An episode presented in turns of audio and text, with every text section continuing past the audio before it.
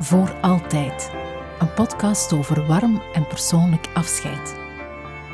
Ik ben Eva van Woorden van Eva, verhalenverteller bij afscheid.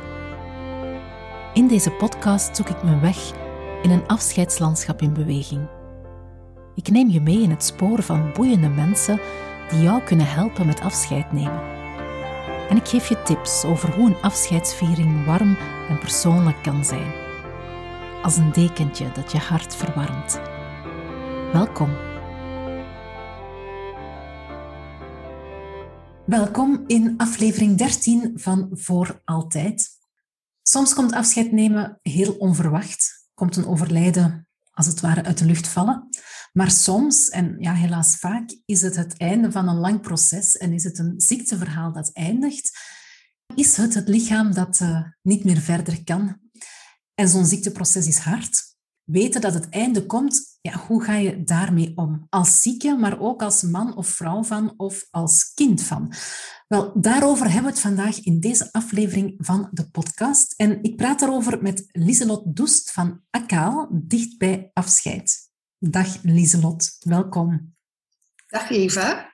Zeg, die vraag, hoe ga je om met het besef dat het einde eraan komt? Ja, daar ben jij volop mee bezig hè, als levenseinde doula. Ja, dat is een titel die helemaal niet zo gekend is, denk ik. Dus laten we daar eerst even verandering in brengen. En vertel eens, wat, uh, wat doet een levenseinde doula? Ja, dat is een goede vraag. Ik zal inderdaad misschien eventjes starten met het woord zelf. Want een, een doula op zich is ook niet zo'n bekend woord. Het is eigenlijk uh, um, ja, een Grieks woord wat betekent uh, dienende vrouw. En het is op zich al iets meer bekend in de context van geboortes. Daar is het eigenlijk iemand die een, een vrouw of een koppel begeleidt, eigenlijk voor, tijdens en na een bevalling of een geboorte. Um, en eigenlijk is nu ook ja, de levenseinde doula wordt in het leven geroepen. En die persoon doet eigenlijk een beetje hetzelfde, maar dan aan de andere kant van het leven. Dus ja, kort samengevat, als levenseinde doula ben je iemand die iemand anders begeleidt, ook wel wat ruimer, ook de, het gezin van die persoon, in uh, de laatste fase van het leven. En ja, dat kan zo groot of zo klein zijn als dat die persoon dat zelf wil. Dus eigenlijk proberen om manieren te vinden voor hen om in uh, schoonheid afscheid te nemen.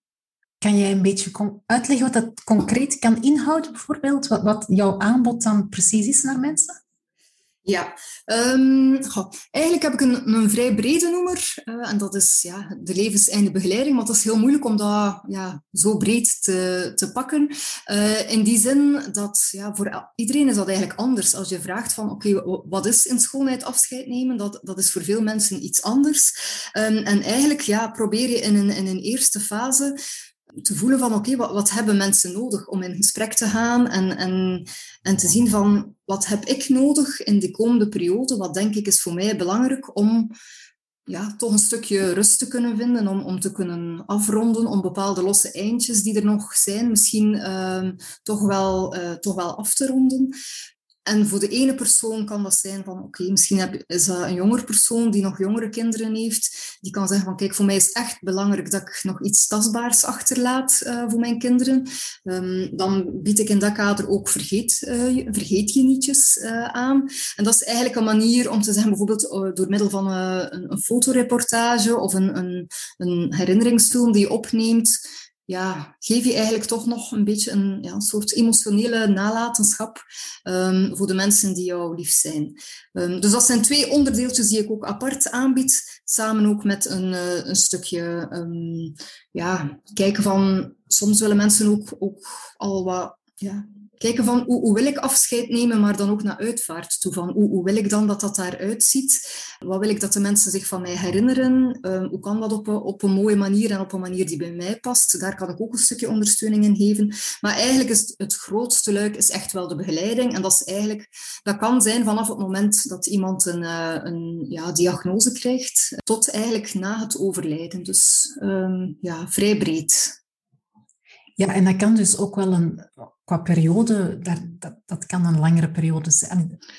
Dat kan inderdaad een langere periode zijn. En eigenlijk is het ook ja, het best voor het ja, proces, als je het zo mag noemen, of het afscheidsproces, dat dat eigenlijk al een, dat dat een vrij lange periode is. Maar natuurlijk ook daar weer, eh, wat ik kan aanbieden, hangt natuurlijk echt wel af van als mensen meteen uh, iemand inschakelen. Of dat, ja, het kan ook zijn dat dat pas helemaal op het einde is, als het echt is, het, ja, het sterven is nabij en, en men wil daar wat ondersteuning in, dan is dat natuurlijk iets helemaal anders wat, dat je, wat dat je aanbiedt. Maar laten we zeggen dat um, als iemand um, een boodschap krijgt dat hij ongeneeslijk ziek is, dat kan inderdaad zijn, dat, ja, dan heet dat palliatief in de zin van dat het niet meer geneeslijk is, maar dat kan evengoed nog drie maanden zijn, nog zes maanden, ja, soms ook nog wel een jaar. Ik denk mensen zijn vaker en vaker langer ziek en chronisch ziek. Um, dus dat kan ook. En vandaar, ja, sommige mensen gaan zeggen van kijk, um, ik wil graag dit bepaald onderdeel uh, daar voor jouw begeleiding hebben. Uh, andere mensen gaan zeggen van kijk, ja, graag een halve dag in de week of om iets specifieks te doen. Dus eigenlijk is dat echt wel ja, een aanbod op maat, uh, ik zal het zo zeggen. Ja, ik wou het net zeggen, het is echt volledig op maat. Het is ja. dat je een bepaald pakket hebt dat mensen dan aankopen en ja. Zoveel uren in dat je gaat? Of... ik, ik heb wel zo'n soort pakket, maar omdat je ergens toch een soort basistraject moet hebben. Dus ik heb een pakket waarbij ik zeg van kijk, sowieso is er uh, altijd eerst een kennismakingsgesprek, omdat dat ja, Natuurlijk, mensen laten niet zomaar gelijk wie toe op zo'n uh, ja, toch ook wel intiem moment uh, in hun leven. Dat is heel belangrijk dat er langs beide kanten wel een, een soort klik, als je het zo mag noemen, en ook wel vertrouwen is. En ja, dat ik ook duidelijk kan zeggen tegen mensen van, ja, wat mag je verwachten, wat kan je verwachten, maar ook waar dat ik niet mee kan helpen, bijvoorbeeld. Dus dat is sowieso een onderdeel. En daarna heb ik een pakket, laten we zeggen, waarbij dat we uitgaan van bijvoorbeeld een vijftal bezoeken van een anderhalf uur, waar dat we ook uh, een aantal telefonische momenten inplannen. Maar um, ja, je kunt daarnaast dan pakketten kopen als je meer uur wil. Maar ook daar, ja, het is echt op maat en, en het hangt er voor mij wel wat vanaf van, oké, okay, uh, hoeveel uur, over hoeveel uur gaat het, over wat is het precies. Um, en ja, om daar dan een vast traject van te maken, is, is inderdaad niet zo makkelijk. Ja. Maar ik, ik denk, het is misschien wel goed dat ik eventjes benoem wat het kan zijn, omdat ja, het, het, is misschien niet echt concreet. Dus het kan bijvoorbeeld zijn, iemand krijgt slecht nieuws, wil eventjes laten bezinken en heeft uh, iemand waar dat hij in gesprek mee wil gaan om te zien, oké, okay, heb ik dat hier nu goed begrepen? Wat houdt mijn uh, diagnose nu precies in? Hoe kan ik dat eventueel aan mijn kinderen vertellen? Ik kan bijvoorbeeld een gesprek begeleiden met een, met een gezin, omdat ja, vaak zijn mensen in die eerste fase echt wel overmand door emotie. Um, en dan kan eigenlijk ja, iemand die daar als wat neutrale buitenstaander bij komt, toch wel wat rust en wat stabiliteit brengen ook. En dat gesprek wel op hang brengen. In een tweede fase, dus ja, we zeggen eigenlijk dat die eerste fase is een beetje de shockfase. En dan een tweede fase is eigenlijk een belangrijke fase. Dat is ja, het moment waarop dat, de relatieve rust toch wel teruggekeerd is. En dat is dan eigenlijk het moment waarop dat je ja, wat, wat dieper kunt gaan, gaan uh, met mensen, waar dat je toch ook al een, een stukje basis van vertrouwen hebt gelegd. En dan begint meestal het, uh, ja, het werk, als je het zo wil noemen, rond wat wil ik nu nog uh, voor de komende periode. Misschien zijn er ook mensen die zeggen, kijk, ik wil echt wel een soort levenseinde plan een beetje maken. Van kijk, als ik nu echt ga sterven, wie wil ik dan rond mij? Uh, wie wil ik absoluut niet meer zien?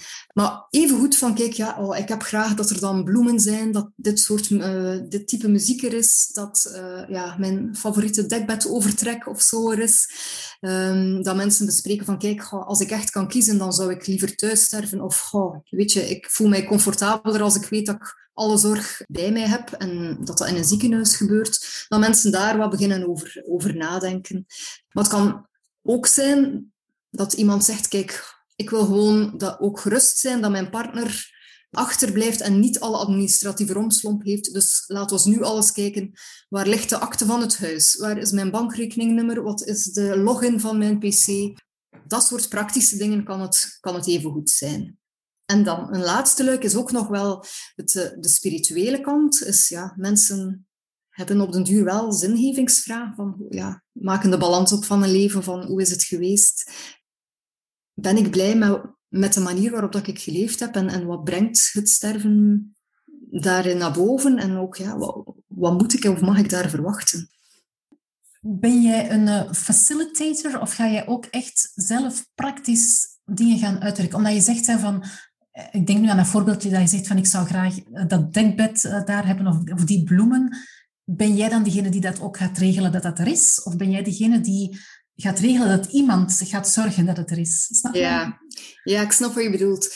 Ik denk dat het belangrijk is in, in, in die rol dat je eigenlijk vooral vertrekt vanuit ik blijf een stukje op de achtergrond totdat mij echt expliciet gevraagd wordt om in actie te treden. In die zin van, um, je bent er niet om de rol van een familie over te nemen, je bent er niet om de rol van um, andere ja, verpleegkundigen, medische mensen over te nemen, want voor alle duidelijkheid, dat is niet mijn rol. Ik hou me niet uh, bezig met de medische kant.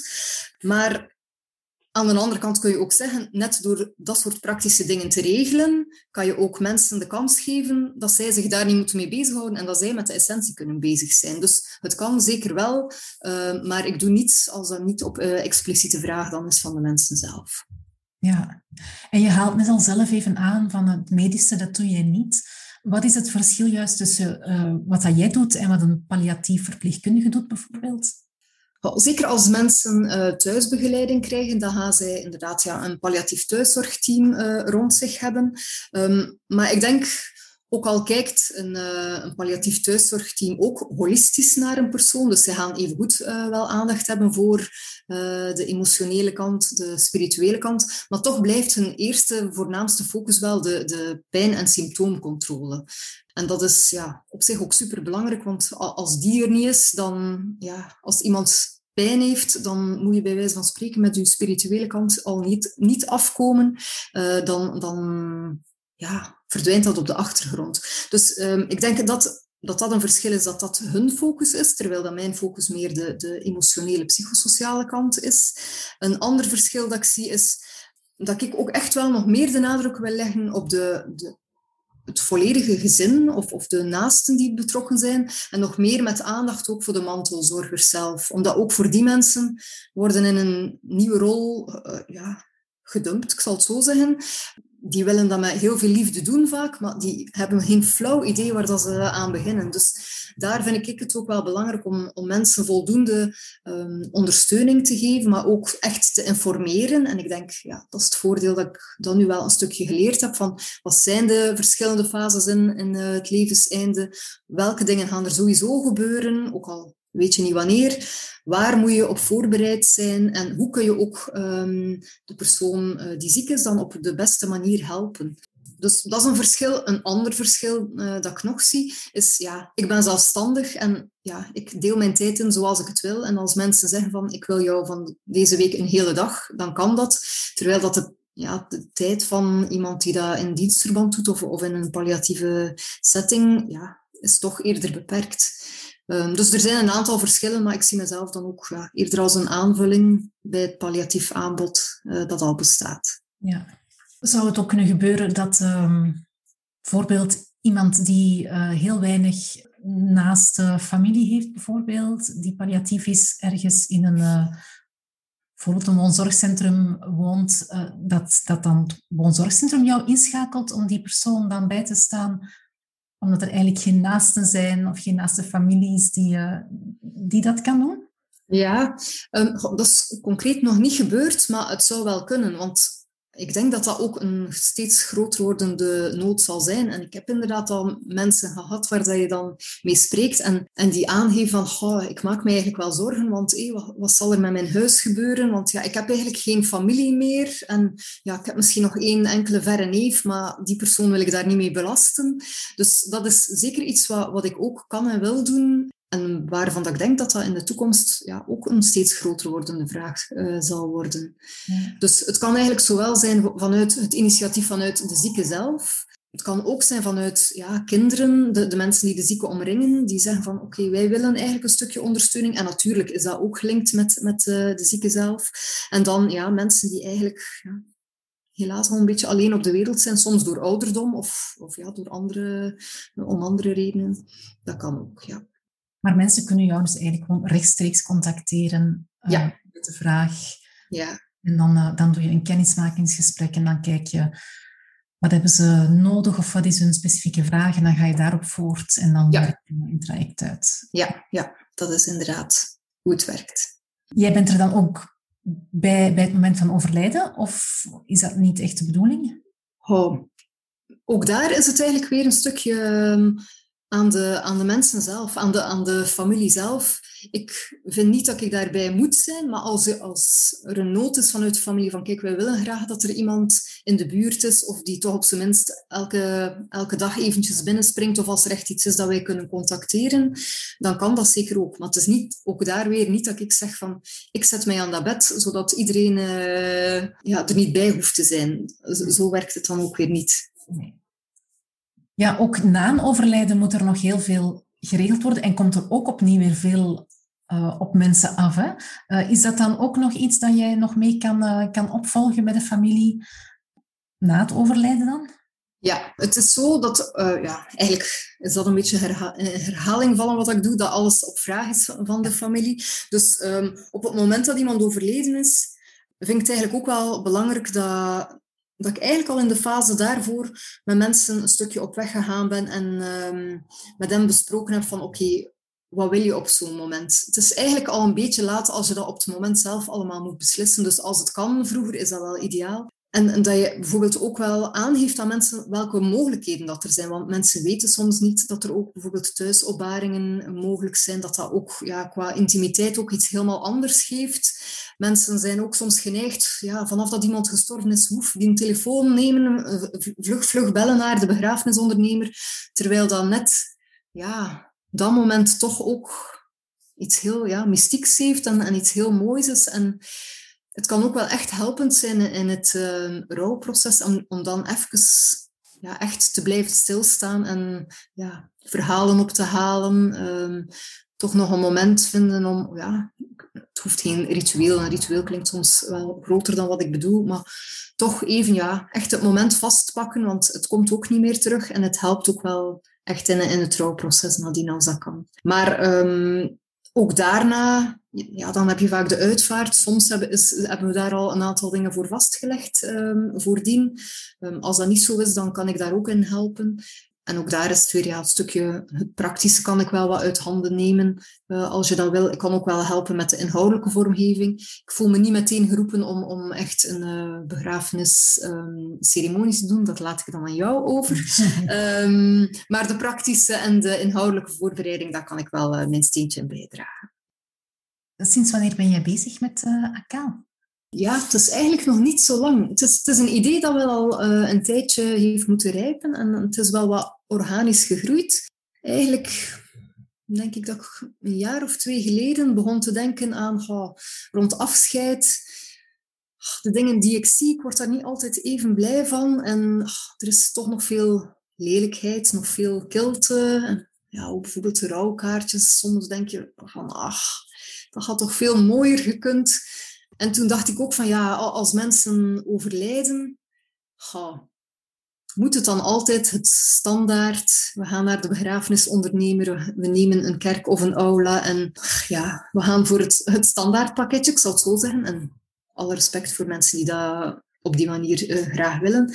Maar ja, ik begon wel te voelen van, ik kan mij niet inbeelden dat mensen dat allemaal willen. Er moeten toch ook mensen zijn die denken van, voor mij wil ik graag iets wat dat weerspiegelt wie dat ik was, op een manier, uh, in een setting ook, die, die past bij mij. En toen dacht ik, ja, zo iets rond afscheidsrituelen. Ik zag ook al dingen voor mij, zo buiten.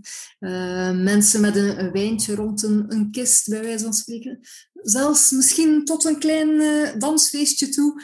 En ja, zo ben ik verder beginnen nadenken en had ik wel akaal in mijn hoofd. Maar het is eigenlijk, ja, gaandeweg heb ik ook gevoeld door in, als vrijwilliger in de palliatieve zorg te werken, van eigenlijk is dat echt ook een stuk zorgen voor mensen. Die gesprekken daar rond, gesprekken met de familie, eigenlijk is dat nog waar ik het meest warm van wordt, als ik het zo mag zeggen. Dus um, en zo is dan een beetje het idee gegroeid van, kijk, ik ga toch mijn focus wat verleggen. En dan ben ik eigenlijk nog maar sinds ja, een paar maanden echt gelanceerd met uh, Akaal in de vorm van de levenseindebegeleiding. Van waar komt die naam Akaal? Akaal is een naam waar ik eigenlijk ook een beetje toevallig bij terecht kwam. Ik was dat zal ook een jaar of twee geleden geweest op een, uh, een concert. Dat was in Brugge, in de Magdalena-kerk, van Ajit Kaur. Een vrouw die ik zo op mijn playlistjes voor meditaties en yoga-oefeningen uh, regelmatig tegenkwam. En die, ja, die gaf een concert in Brugge. Dus ik, ik heb redelijk impulsief beslist om daar naartoe te gaan. En dat was eigenlijk een heel, een heel mooi concert. Een heel mooie, inspirerende jonge vrouw eigenlijk ook. En op een bepaald moment uh, zei zij ook van, ja, nu ga ik een nummer spelen. En dat uh, nummer heet Akaal.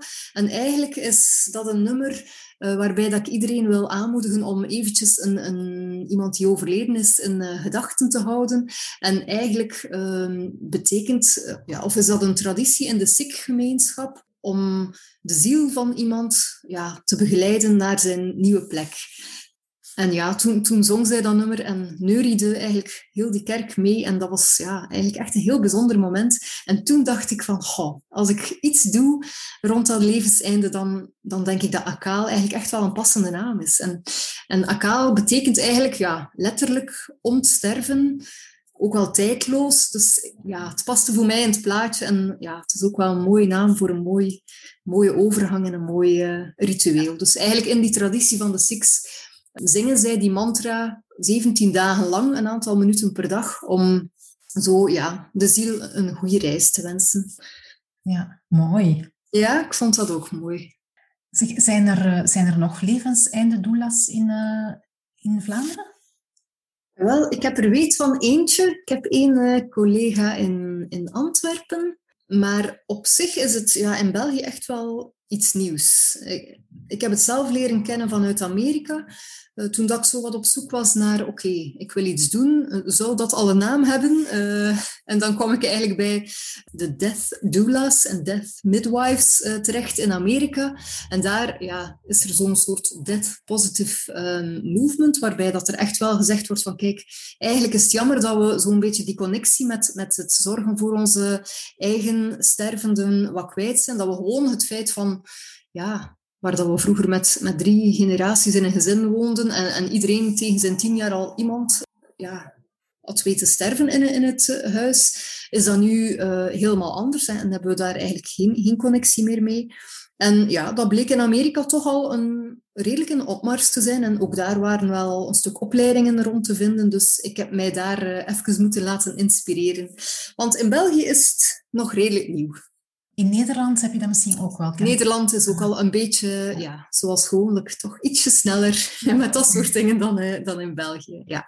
Dus jij bent echt aan het pionieren in, in uh, België? Als... Ja, ja, op een bepaalde manier wel. Ik vind het eigenlijk ook wel, wel fijn. Het is onontgonnen terrein en, en wat dat er ook wel ja, is, het, het is ook gewoon um, een groot braakliggend terrein ook nog wel ja, ik was nu eigenlijk vandaag net in een opleiding en daar werd dan aangegeven van oké, er zijn 110.000 mensen die elke dag sterven. Er zijn daarvan, ja, ik denk, ik weet nu niet meer van buiten, is nu tussen de 50 en 70 procent van de mensen die eigenlijk palliatieve zorg of een, een vorm van palliatieve zorg nodig zouden hebben.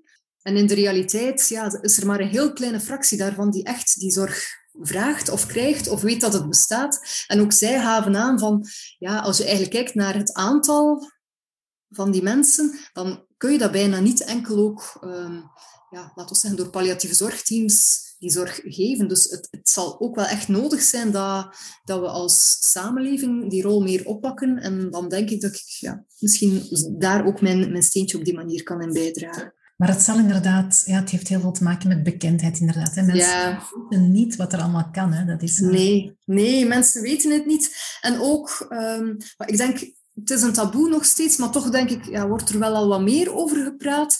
Maar ja, vooral het, het woord palliatieve klinkt zo heel erg van ja, opgegeven. Dus de dokter durft het met moeite zeggen tegen de, tegen de patiënt. De familie durft het al niet benoemen tegen de patiënt. De patiënt zelf denkt, ik zal er ook maar niet over beginnen. En, en zo ja, is er eigenlijk ook wel een periode waarin dat er eigenlijk nog veel kan. Waardoor palliatieve zorg net nog meer mogelijk is op vlak van kwaliteit.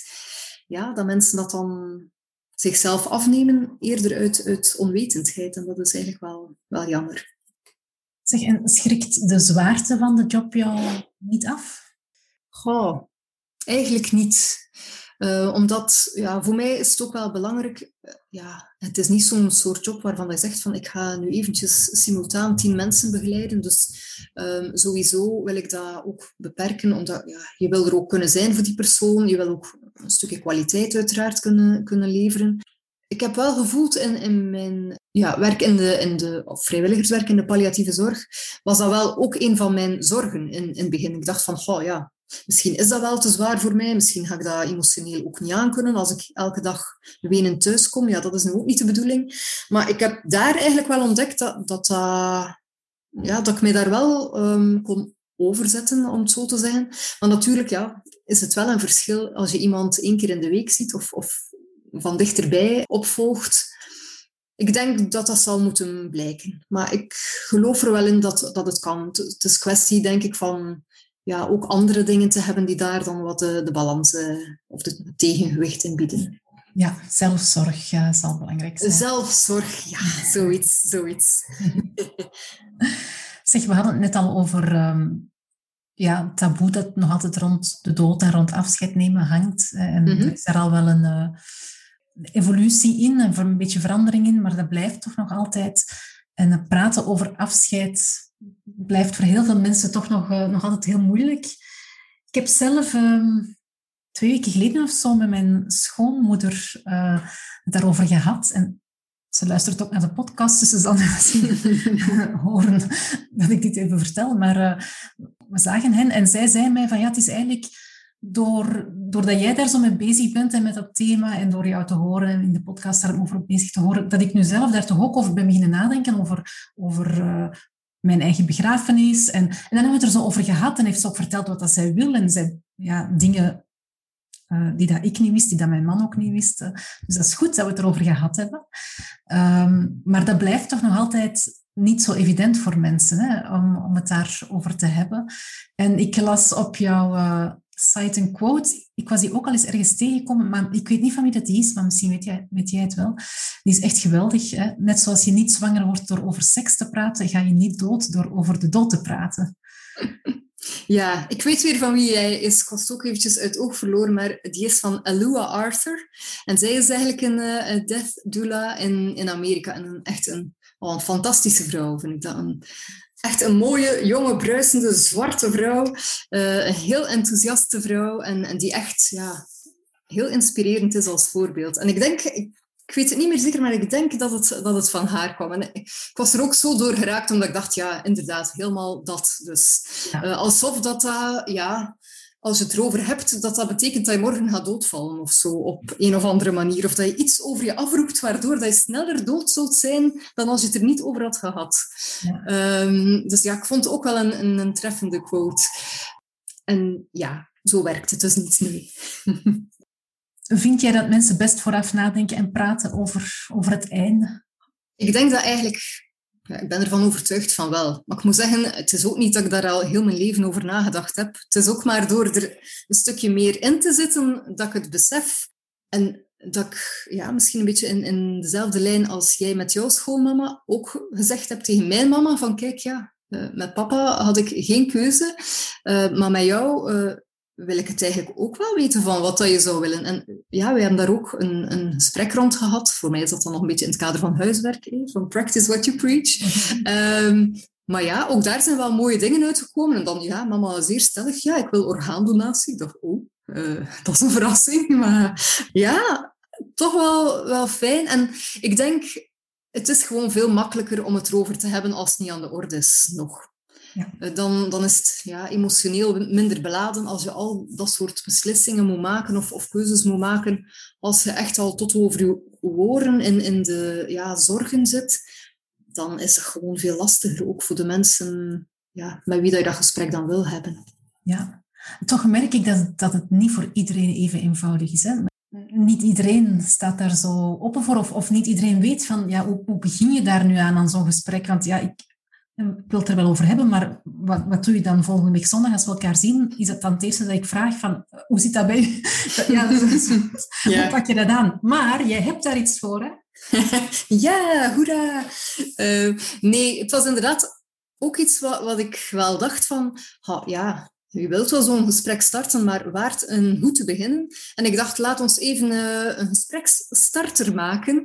Niet dat dat iets is wat ik allemaal uh, helemaal zelf heb uitgevonden. Dat is ook met uh, informatie die een beetje van overal haalt. Maar wel gewoon wat logische stappen van begin al eens met gewoon zelf te denken van wat is belangrijk voor mij. En dan heb ik daar wel wat vraagjes bij gezet die je kunnen helpen en die een stukje richting geven, zodat je zelf al eens eerst kunt nadenken van ja, hoe sta ik daar eigenlijk in? En op vandaag. En belangrijk daarbij, denk ik, is altijd om ervan uit te gaan van oké, als er morgen iets gebeurt, hoe sta ik daar vandaag in? En dat dat dan over tien jaar misschien anders is, ja, dat zou heel goed kunnen, maar dan is het kwestie van gewoon ja, je plan of je informatie uh, te blijven aanpassen. Dus ja, hoe, hoe, kijk ik er zelf naar? En daarnaast ja, toch ook wat tips van oké, hoe, hoe kan ik dat dan even aan boord leggen van, ja, eh, je kunt een mailtje sturen, je kunt bellen en je kunt ook wel aangeven van, ja, sorry, het is misschien een beetje een vreemde vraag, maar ik vind het wel echt belangrijk om, um, dat jij of zo daarvan op de hoogte bent. Mocht er ooit iets gebeuren, zou je het zien zitten om daar eens um, een gesprek rond te hebben. En het zou kunnen inderdaad, ja, net zoals dat voor jou misschien um, vreemd is om dat gesprek aan te vragen of op te starten, is het voor die andere persoon misschien ook wel uh, even een shock. Dus ik denk, ja, het voordeel van als het nog niet heel erg aan de orde is, is ook van het is af en toe een zaadje planten, dan moet dat weer wat rusten. Het hoeft ook niet allemaal in één gesprek. En ik denk wat dat ook wel belangrijk is, van het hoeft ook niet allemaal, ik weet niet hoe zwaar te zijn. Je kunt dat ook redelijk luchtig houden. Of...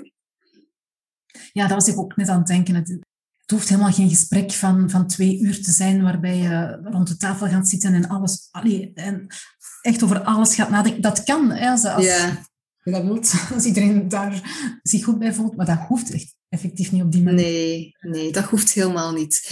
En, en voor mensen die zeggen van, ja, ik, ik wil dat wel echt en, en ik heb misschien niet meteen een aanspreekpunt, is, is ook dat wel iets wat ik um, kan bij helpen. En heb ik daar ja, op zich wel een soort format voor, van, met echt verschillende onderwerpen van, oké, als we het daarover hebben, wat, wat vind je in die context belangrijk? En al is dat maar dat je dan op het einde van, van, van dat gesprek, uh, dat ik de dingen wat verwerk, dat je daar een, een, ja, documentje van een aantal A4'tjes van En dat je gewoon weet van, kijk, oké, misschien uh, stuur ik dat naar mijn kinderen en weten ze van, op zijn minst is dit een basis. Het kan zijn dat dat nog verandert.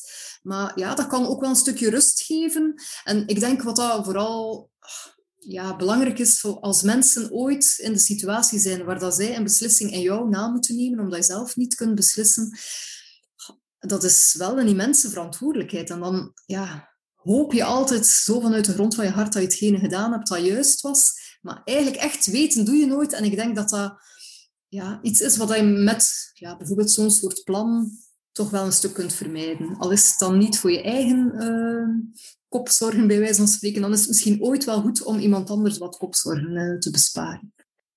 Dus dat is al een hele goede tip hè, voor, uh, voor mensen om, om daar toch eens mee ik wou zeggen aan de slag te gaan, maar dat klinkt ook alweer veel te zwaar, vind ik. Ja, ja. ja, en, ja. en ik denk, het kan ook wel mooie dingen brengen, want door daar dan bewust mee bezig te zijn, voor jezelf, vind ik, kun je ook wel... Dan, dan ja, zet dat toch iets in gang, begin je dan toch ook wel wat, zelfs tussentijds wat je balans op te maken. Denk je van, goh, verdorie, kijk, als, als ik nu morgen echt zou sterven, zou, zou dan hetgene waar dat ik nu van wakker lig, zou ik daar dan nog van wakker liggen? Zou ik dat dan nog verder doen? Dus ik vind het is op zich ook een, een uitnodiging om, om ja, nog voller te leven. En het is ook een, een kans om ja, bijna een diepgaander contact ook met mensen nog nog te bouwen. En dat, zal natuurlijk ook niet bij iedereen en altijd zo zijn, maar ik vind er zitten ook wel mooie kansen in om, om er vroeg genoeg mee bezig te zijn. Eh, het doet me dan ook weer terugdenken aan de, de quote die ik uh, vorige week in de podcastaflevering gebruikt heb van Stephen Covey. Het gaat erover dat, um, dat je eigenlijk de vraag stelt, hoe wil je herinnerd worden? En als je dat weet, hoe dat je herinnerd wil worden, dan kan je daar nu naar beginnen leven. Hmm, ja, ja. Wel een, uh, ja, ja. Heel, uh, heel mooi. Ja, hè? Ja. Zijn er nog dingen die je mensen kan aanraden wanneer, uh, wanneer ze te maken krijgen met een nakend uh, afscheid? Ik denk dat dat het belangrijkste eigenlijk is, is ja, je hart volgen, je gevoel volgen. Zorgen dat je dicht blijft bij wat je zelf belangrijk vindt. Je niet te veel laat aanpraten. Maar ook wel weet dat er ja, ondersteuning mogelijk is. Want ehm, ik denk ook voor mensen die uh, bijvoorbeeld thuis willen sterven en waarbij dat er iemand, ja, een partner of een, een kind of zo, uh, instaat ook voor de, voor de mantelzorg, dat mensen ook wel beseffen van dat dat is ook wel echt een serieuze opgave en het is bijna niet realistisch om zoiets alleen te doen. Dus zorg ook dat je goed omringd bent en er bestaan mogelijkheden. Ja, ik zou zeggen, wees niet bang om, om die ook te gebruiken. En informeer je goed en maak dan zelf je, de keuzes die bij je passen. Zoiets.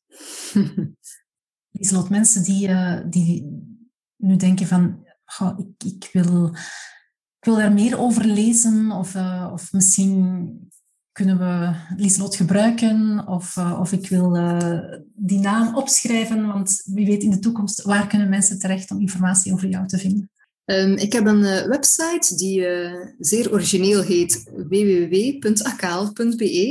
Uh, en ik ben ook te vinden op, op Facebook en Instagram. En daar is het onder Akaal dicht bij afscheid.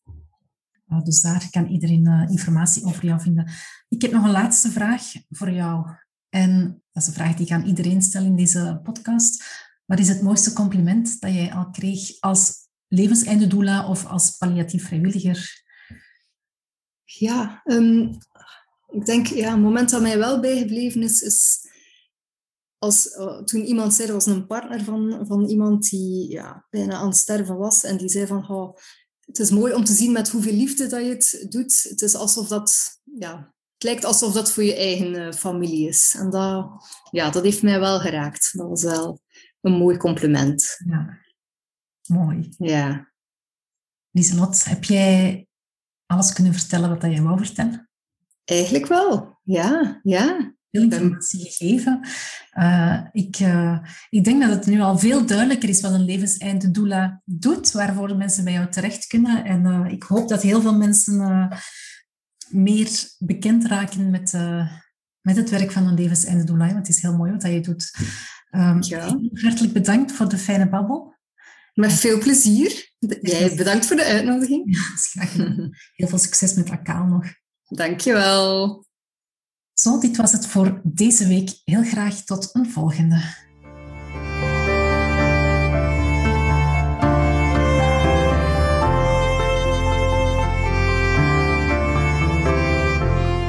Fijn dat je luisterde naar deze aflevering uit de podcastserie Voor Altijd. Ben je fan? Abonneer je dan zodat je geen enkele aflevering mist. Vertel gerust ook over deze podcast aan iedereen waarvan je denkt dat hij of zij er iets aan kan hebben. Meer info over Voor Altijd en over mij vind je op www.woordenvaneva.be of volg me op Facebook of Instagram.